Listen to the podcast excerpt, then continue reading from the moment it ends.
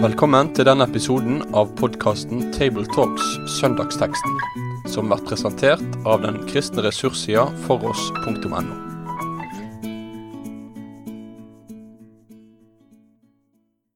Da er det en glede å på nytt ønske velkommen til opptak fra Tabletalks sin avdeling i Bergen. Rundt bordet sitter Delk-prest Jon Magne Sønstadbø og Rolf Kjøde, som stadig er leder for eier, nei, for strategisk utvikling, heter det nå, ved NLA-høgskolen. Og mitt navn er fremdeles Tarjei Gilje, og jeg jobber til daglig som redaktør i Dagen. Vi har på nyttårsaften en ganske kort eh, tekst. I antall vers blir den ikke kortere. Så jeg tror jeg tillater meg å lese den sjøl, faktisk, fra Johannes eh, sitt 14. kapittel, vers nummer 27. Fred etterlater jeg dere. Min fred gir jeg dere. Ikke den fred som verden gir. La ikke hjertet bli grepet av angst og motløshet. Først et bare litt sånn praktisk, eh, pedagogisk eh, spørsmål her, karer. Hva syns dere om eh, korte prekentekster kontra lange? jeg satt akkurat og tenkte på det samme her. Ja, det er jo litt opp og ned, da. Noen ganger er det veldig enkle vers å snakke, snakke langt om, eh, eller snakke, fylle ut sjøl, da. Men noen ganger er det fryktelig vanskelig. Men, men lange tekster kan også være vanskelig å snakke, snakke godt om, altså. Men ja. Det er noen dager da dagen er litt teksten, og nyttårsaften er jo da er jo selve dagen litt teksten også. Ja, ja. Så, men jeg vil si at det bør være unntaket. Eh, forkynnelsen bør, eh, bør, ha et teksttilfang og, eh, og, få lagt ut teksten. Og med ett vers er det som regel eh, Får du som regel ikke den oversikt over Guds ord som en bør ha. Mm. Det er kanskje både potensial og risiko at uh, korte tekster gir større rom for predikanten? ja, det er jo også en måte å se det på. Vi leser altså dagens tekst ved inngangen til et, ikke et nytt kirkeår, men til et nytt kalenderår. Eh, så det er jo naturlig å se både fremover og bakover eh, i den eh, forbindelse. Og så kan vi kanskje si sånn i, i, et stort perspektiv da, at etter at jernteppet falt, så har jo vi i, i, våre deler av verden stort sett levd i en viss harmoni her i landet. Så har vi kanskje den siste tiden sett tilløp til en ny uro knyttet bl.a. til krigen i Syria, flyktningestrømmen og til utviklingen av atomvåpen i Nord-Korea. Så Da stiller jeg et spørsmål som det kan være vanskelig å svare enkelt på, men vi prøver eh, likevel. Eh, hvordan kan Jesu fred hjelpe oss og veilede oss i møte med vår egen tids storpolitiske utfordringer? Det er jo et veldig, et veldig vanskelig spørsmål, egentlig. fordi at uh, i denne teksten her så fredsbegrepet her er ikke et typisk sånn krig-fred-begrep. Altså Vi kan tenke om fred som det motsatte av krig, eller fravær av krig. Uh, og, og det er rikelig av tekster også i Bibelen som kan snakke om krig og fred i den, i den ytre mening.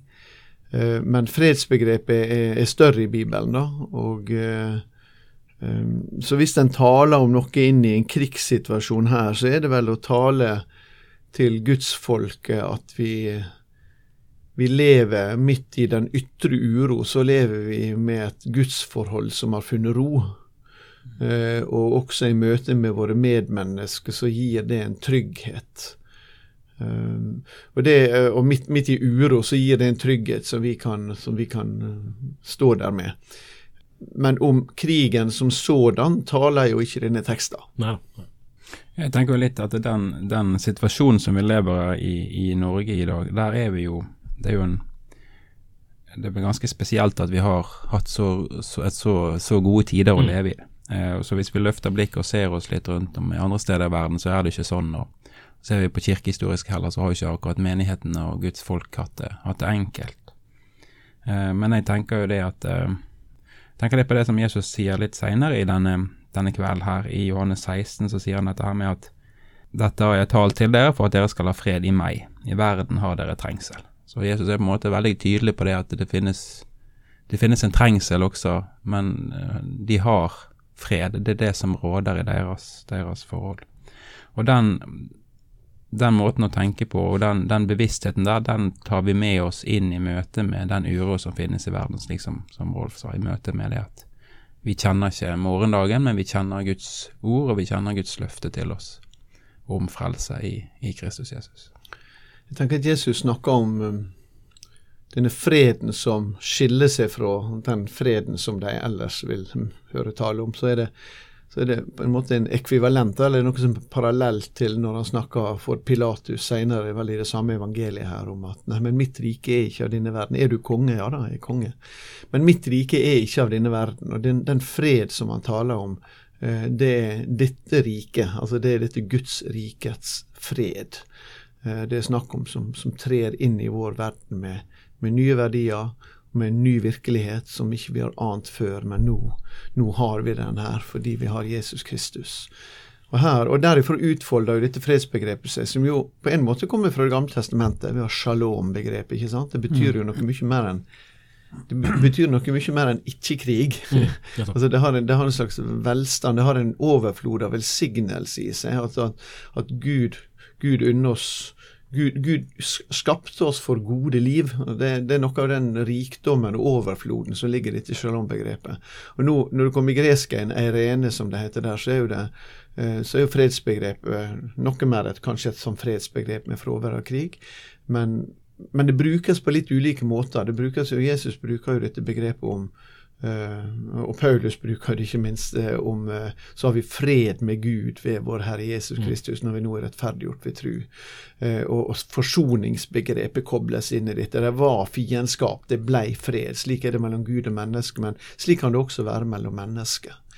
Men så har vi andre vers som, som, kanskje dette står litt sånn i nærheten av, da, og de er ikke uavhengige av hverandre, de henger jo på hverandre men som snakker kanskje om dette med den freden som rår også i den sitt hjerte som har fått Den hellige ånd, og den fred som skal prege det kristne, kristne fellesskapet. I Kolosserbrevet 3 snakker vi veldig tydelig om denne freden som skal prege fellesskapet.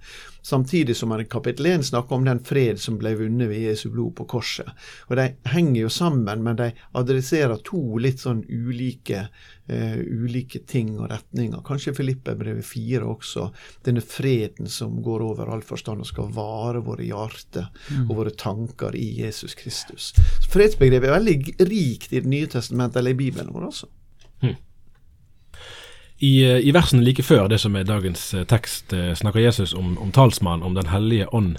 Eh, hvilken sammenheng ser vi mellom Den hellige ånds gjerning og vår eh, opplevelse av, av, det å leve i den fred som Jesus eh, snakket om? Jeg tenker jo Den hellige ånds gjerning det er jo knyttet til, eh, til eh, forkynnelsen sant? og de gaver som Den hellige ånd gir til oss. Han, er, han er jo talsmann som kommer for å, for å nettopp forkynne og vitne om dette fredsbudskapet og om den freden som vi har i, i Kristus Jesus. Så jeg tenker at det, eh, det, Der er det, tenker jeg at det der er det en, en, en, nær, en nær, sammenheng. Um, som, um, som med min litt sånn lutherske bevissthet, da, så, så, tenker jeg også det med at um, at Den hellige ånd, han på samme måte som Gud er en Gud som gir seg sjøl til oss i alt, altså Gud Fader gir seg sjøl til oss i hele skapelsen, og, og Sønnen gir hele seg selv til oss i, i, forsoningen og den rettferdigheten som han har vunnet for oss, frelsen der, så, er, så gir Den hellige ånd seg sjøl helt og fullt til oss eh, for å lære oss og at vi skal forstå hvilken, eh, hvilken velgjerning eller det Kristus har gjort for oss, og hjelpe oss nettopp til å ta imot dette og holde på dette. Og, og bruke, bruke, den gjerning eller det som vi har fått av Kristus Jesus. Eh, og det tenker jeg, eller sånn som, som, Luther snakker om det, da, så sier han det at eh, at Den hellige ånd den gjør dette på to måter. Han gjør det gjennom det indre, de indre åndelige gaver, som er eh, troen og, og andre Eh, åndens frukter. Og på en ytre måte så gir han også en fred til oss. Og det, det er noe fint med det lutherske perspektivet, at Den hellige ånd gir Guds fred til oss gjennom sakramentene, som er forkynnelsen, der Guds ord rekkes til oss og skaper fred og skaper tro i oss, og med dåpen, som er, er, ja, badet til omvendelse. Sånn. Altså, vi ble født på ny i dette. Det, vi viser at her, nå, nå, har vi fred med Gud. Vi er født på nytt av Gud. Og ved, ved nattverd der Gud, Kristus Jesus sjøl, gir seg sjøl til oss. Og Det er sånn ytre måte at her har vi det. Og det, jeg tror det at, at vi skal tenke sånn at i disse ytre tingene og de indre tingene, der rekkes vi Jesu Kristi fred. Det, det, som jeg finner litt sånn eh, tydelig her i denne avskjedstalen til Jesus, da, er at han, han snakker flere ganger om denne uroen i hjertet deres. La mm. ikke hjertet deres uroes, begynner jo dette kapitlet med. Og vi har dette her Vær ikke motløse, la ikke hjertet deres uroes. Og så har han snakka om Den hellige ånd like før der. Og når du kommer ut i kapittel 16 også, så står det om en liten stund ser dere meg ikke, og så skal, skal det bli ei sorg, snakker han om, som blir i deg. Eh, men sanningsanden skal komme eh, og ta seg av deg mm. i deres mm. sorg. Mm. mm. Så spørsmålet ditt tar jeg om det er en forbindelse med talsmann, Den hellige ånd her, og, og den freden som meddeles oss, ja, det, det, tror jeg absolutt at det er. Og, og eh, den grunnleggende saken som Jon Magne også sier her, med tilknytninga til de ytre middelen, er kjempeviktig. Og, og, og samtidig så taler de ytre midlene også til vårt hjerte, mm. slik at vi, vi, kan, vi, kan, ha denne erfaringa av fred i, i, uro, som dere også påpekte her i stad, er en del av dette kapitlet. Mm, mm. Det er jo ikke sånn ytre sett eh, spesielt vanskelig eh, å forstå at disiplene eh, kunne kjenne på usikkerhet eh, når de ble stilt overfor eh, tanken på at Jesus skulle forlate dem. Eh, tror dere at ja, at de kan ha opplevd det som Jesus snakket om her, som en, eh, en mager trøst, på en måte. For de hadde vel helst foretrukket at han sjøl ble værende hos dem. Jeg tror jeg hadde foretrukket det, hvis jeg hadde vært der. Jeg, jeg, prøver å tenke meg litt den situasjonen du er i. sant? Altså Du har tilhørt vinnerlaget med Jesus Kristus, sant? og du har virkelig vært med og mettet store folkemengder. Og virkelig her er vi, nå er vi på vei mot noe stort. Mm, mm. Sant? Dette er en, eh, en kampanje for, for den nye, nye kongen. Mm. Og så går det nedover etter det. sant? Og nå er de samlet i Jerusalem her, og de trodde kanskje at det skulle bli, skje noe nytt med oppvekkelsen av Lasarus, men istedenfor så har det blitt forfølgelse og mer motstand, og så skal han forlate dem. Altså, han bytter seg sjøl ut fra mm. laget, og så skal vi liksom overta Hvis dere elsket meg, var dere glade for at jeg går til far. ja. Vers 28. Ja. Kanskje ikke den umiddelbare følelsen. Nei, nei, det er ikke det. Men var de der i tankene sine, da? Jeg tror ikke de var i noen tanker lenger altså, Det var den dagen, og kanskje noen dager fram. Så du kan si den første umiddelbare konteksten han sier dette inn i, er jo da noe, det som han ikke sier her, men altså som jo skjedde, at om noen timer forlater dere. Mm. Eh, og Jeg tror ikke de hadde utrolig mye trøst i de ordene i de timene og døgna som da mm. lå foran dem. Mm. Men så ser vi at Jesus her kobler jo løftet til at Den hellige ånd talsmann skal komme. Mm. Og da forstår vi at det er en større rekkevidde enn de kommende dagene. Mm. Der er det hele livet deres som fra pinsedag blir forandra. Eh, og det er jo der det har sin særlige adresse, dette, og som gjør at det også kan treffe oss så godt som det kan gjøre. Precis, precis. Som du sjøl eh, viser til, Rolf, eh, nettopp. Eh, la ikke hjertet bli grepet av angst og motløshet, er et av Jesu ord i dag. Eh, den formaningen var jo åpenbart eh, aktuell eh, der, men den er vel òg, tenker jeg, aktuell, kanskje ubehagelig aktuell for oss. Jeg har fundert en god del på det når jeg sitter på min kontorpult og leser debattinnlegg og, og på en måte følger i det hele tatt utviklingen i Kristen-Norge fra dag til dag. Så kommer jeg ikke helt unna at at, eh, frykt Jeg tror det er et mer aktuelt ord da, enn vi egentlig er klar over, og, og, og er litt underkjent, på en måte. Hva tenker du på med Da tenker jeg på at eh, hvis vi f.eks. har satt vår lit til eh, åndelige ledere, ja. eh, så er sjansen for å bli skuffet ganske stor. Mm. Eh, men hvis det er det vi har gjort, så er f.eks. òg eh, viljen til å akseptere kritikk av disse ganske liten, for det er jo de vi har satt vårt, vårt håp til. Eh, det kan være i ulike sammenhenger. Eller hvis det er eh, ytre i hermetegn fiender, sant? om det er sekularister eller mennesker av en annen religiøs eh, tilhørighet vi er redd for, at egentlig at frykten for disse eh, i realiteten kanskje er vel så stor som tilliten til Gud. Eh, det funderer jeg en del på. Det er ingen som vil si på en måte ja, jeg er mer redd for muslimer enn jeg tror på Gud. Eh, men kanskje er det det. Så når jeg leser igjen da, eh, kommentarfelter og debattspalter, så lurer jeg av og til på om ikke det er det som egentlig trer frem her. Eh, og da tenker jeg litt på et sånn motsatt scenario. For vi har jo hatt sant, i Norge og i vår verstelandske sivilisasjon en ganske sterk kristen historie. Vi har vært vant med til og med at staten har vært kirkens opprettholder. Sånn at Ytre sett så er vår situasjon ganske motsatt av det som vi leser om her. sant? At, eh, at eh, storsamfunnet nesten er en støtte for oss, mens de på ingen måte kunne ha sånne forventninger. Eh, og, men at likevel at frykten kan være et felles trekk eh, hos begge to eh, likevel. Kjenner dere igjen dette? Eller er jeg på viddene? Ja, nei, det er ikke vanskelig å kjenne igjen det, syns jeg. Det, det er jo en generell allmennsak, nemlig frykten for det ukjente, Mm. som vi jo påpeker her. Eh, og så har du dette her som i tillegg, altså han bruker også mismot her. Dette mismotet som, som vi også kan registrere både i våre egne liv og som de som skal lytte til forkynnelsen når denne teksten blir lagt ut. De som, mange som skal gå inn i et nytt år på, på, på denne nyttårsaften, de, de sitter der med noen urolige tanker for framtida. Det er jo det som gjør at det er en treffende tekst. Når det først ble en så kort tekst, så er det en treffende tekst. Fordi den adresserer det at vi kan, vi kan møte framtida med noen grad av uro og bekymring. Eh, og det er ikke vits i å anklage folk for sterkt for det, eh, tenker jeg. Men eh, da får vi, får vi vise deg til, eh, vise deg til den freden, og det som Jon Magne sa tidlig her, at i, i verden har du ikke trengsel. Men eh, Så Skrifta underslår aldri den realismen, da. Og, eh, men det er like realistisk at i Han har vi fred. Og den freden gjør at vi kan si, også si at Han som er i oss, er sterkere enn Han som er i verden. Mm. Det, det må vi fortelle folk og oppmuntre folk med. Vi har syndere foran oss når vi preker, og vi er syndere sjøl som står på prekestolen. Og det budet vi kanskje sliter mest med, det er det første budet. Og det går nettopp på dette med frykten. Mm. Frykten og motløsheten. For det er Jeg tenker ofte Adam når han setter foten sin utenfor Edens hage. Fra å gå på gresset til å gå på tørr sand. Og da fylles hjertet hans med frykt. Hvilken verden er dette nå? Og så går han utover, og den, den uroen, den har han smittet alle oss andre med også. Hva, hva bringer morgendagen? Og så er det sånn at eh, Ja, dette må vi ta på alvor. Vi kan ikke si at vi ikke rammes av det eller merkes av det. Jeg husker Magnus Malm eh, siterte George Bush en gang. og da, det har vi til merke. Så sa han det at eh, at eh, at eh, Eller han, han siterte en kommentator som kommenterte Bush, så nå ble det jo mange sitater her.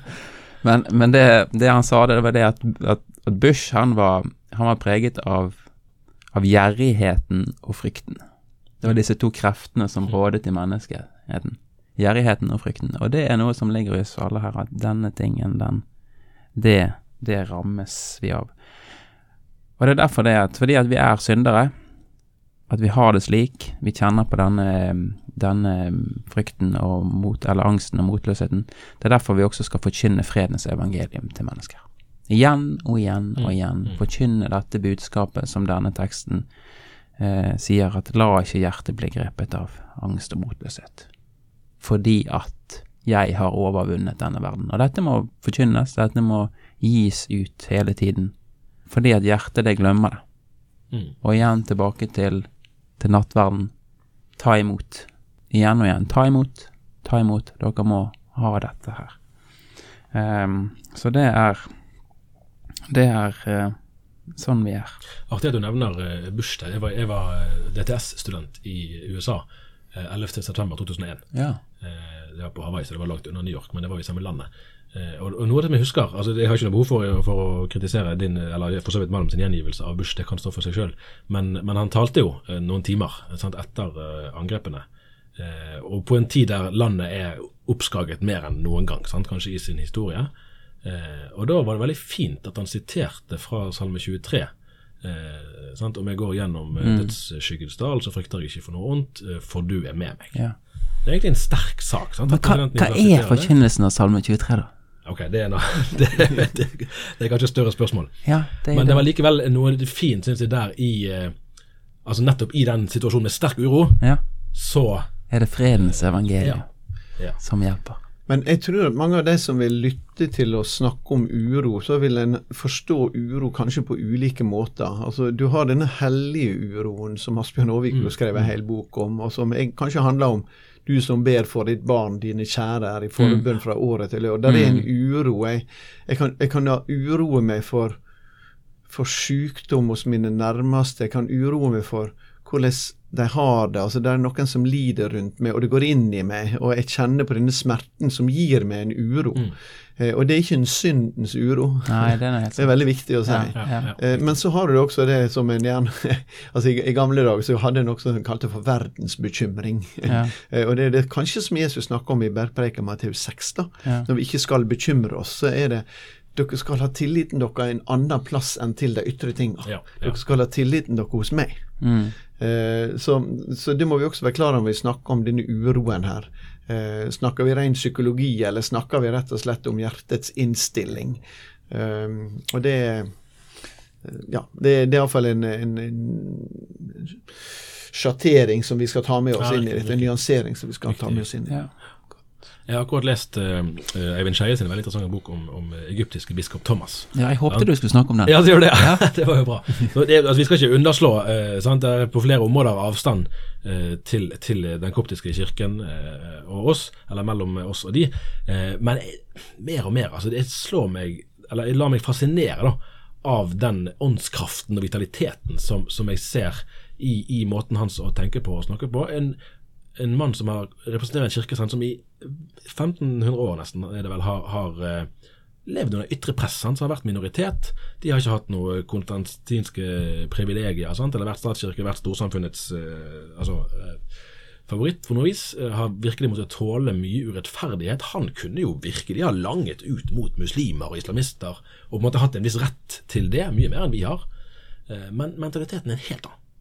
Virkelig en helt annen. Eh, og, og, og, og altså, her kommer jo teksten til anvendelse. Altså Den fred som jeg opplever at han uttrykker i, i det som Eivind Skeie gjengir han på, syns jeg er veldig interessant. Og det, og det fører meg egentlig inn i det som er mitt siste spørsmål i dag. Hvordan kan det å leve i Jesu fred være en misjonsgjerning på den måten at, at vi som hans etterfølgere fremstår som et annerledes folk, eh, samtidig som vi lever midt i det samme samfunnet som alle andre? Sant? Det handler ikke om å flykte fra verden, men å ha med oss helt reelt, helt konkret, Jesu fred i møte med Norge i 2018. Ja. Det, det er fantastisk eh, å, å dra noen linjer der, altså. Og eh, jeg tenker at her er vi kanskje i nærheten av Efeserbrevet 2, når en snakker om denne freden som altså er en etablert fred mellom, mellom menneske og Gud. eh, Og som også gjør at en får et utslag på hvordan vi ser på hverandre, og hvordan vi står det mellom jøder og hedninger, da. Og han reiv ned den fiendskapen som var, og på en måte plasserer oss, inn i en ny type menneskehet. Eh, og vi skal være fredsbærere og fredsagenter og fredsforkynnere eh, inn, i, inn i en splitta verden. Eh, for er det noe verden er på mange måter, så er det splitta og uforsont. Og vi er forsoningens folk, vi som har fått del i Guds største gave av alle. Forsoninga i Jesus Kristus. Vi er forsoningens og fredens folk i vår verden. Um, og Det er jo det vi ser da i det som du snakker om. Nå har jeg ikke fått lest den boka om biskop Thomas, men jeg kjenner jo biskop, til biskop Thomas godt fra før og har lest andre bøker og kjenner til kirkevirkeligheten der. Og det er jo flott å se eh, hvordan eh, gudsfolket ikke blir eh, hevnens folk, Mm. Ja, ja. eh, men er forsoningens folk også når en lider urett. Det skjer mange plasser i verden. Det skjer mange plasser i Midtøsten i dag. Eh, og det må vi be om skal skje hos oss også. Mm. Ja.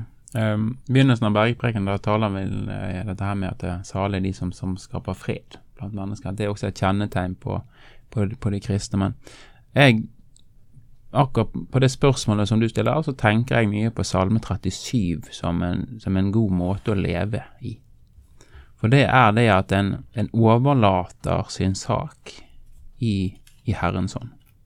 Eh, og det handler nettopp om å, å leve under urett. Salme 37 handler mye om det.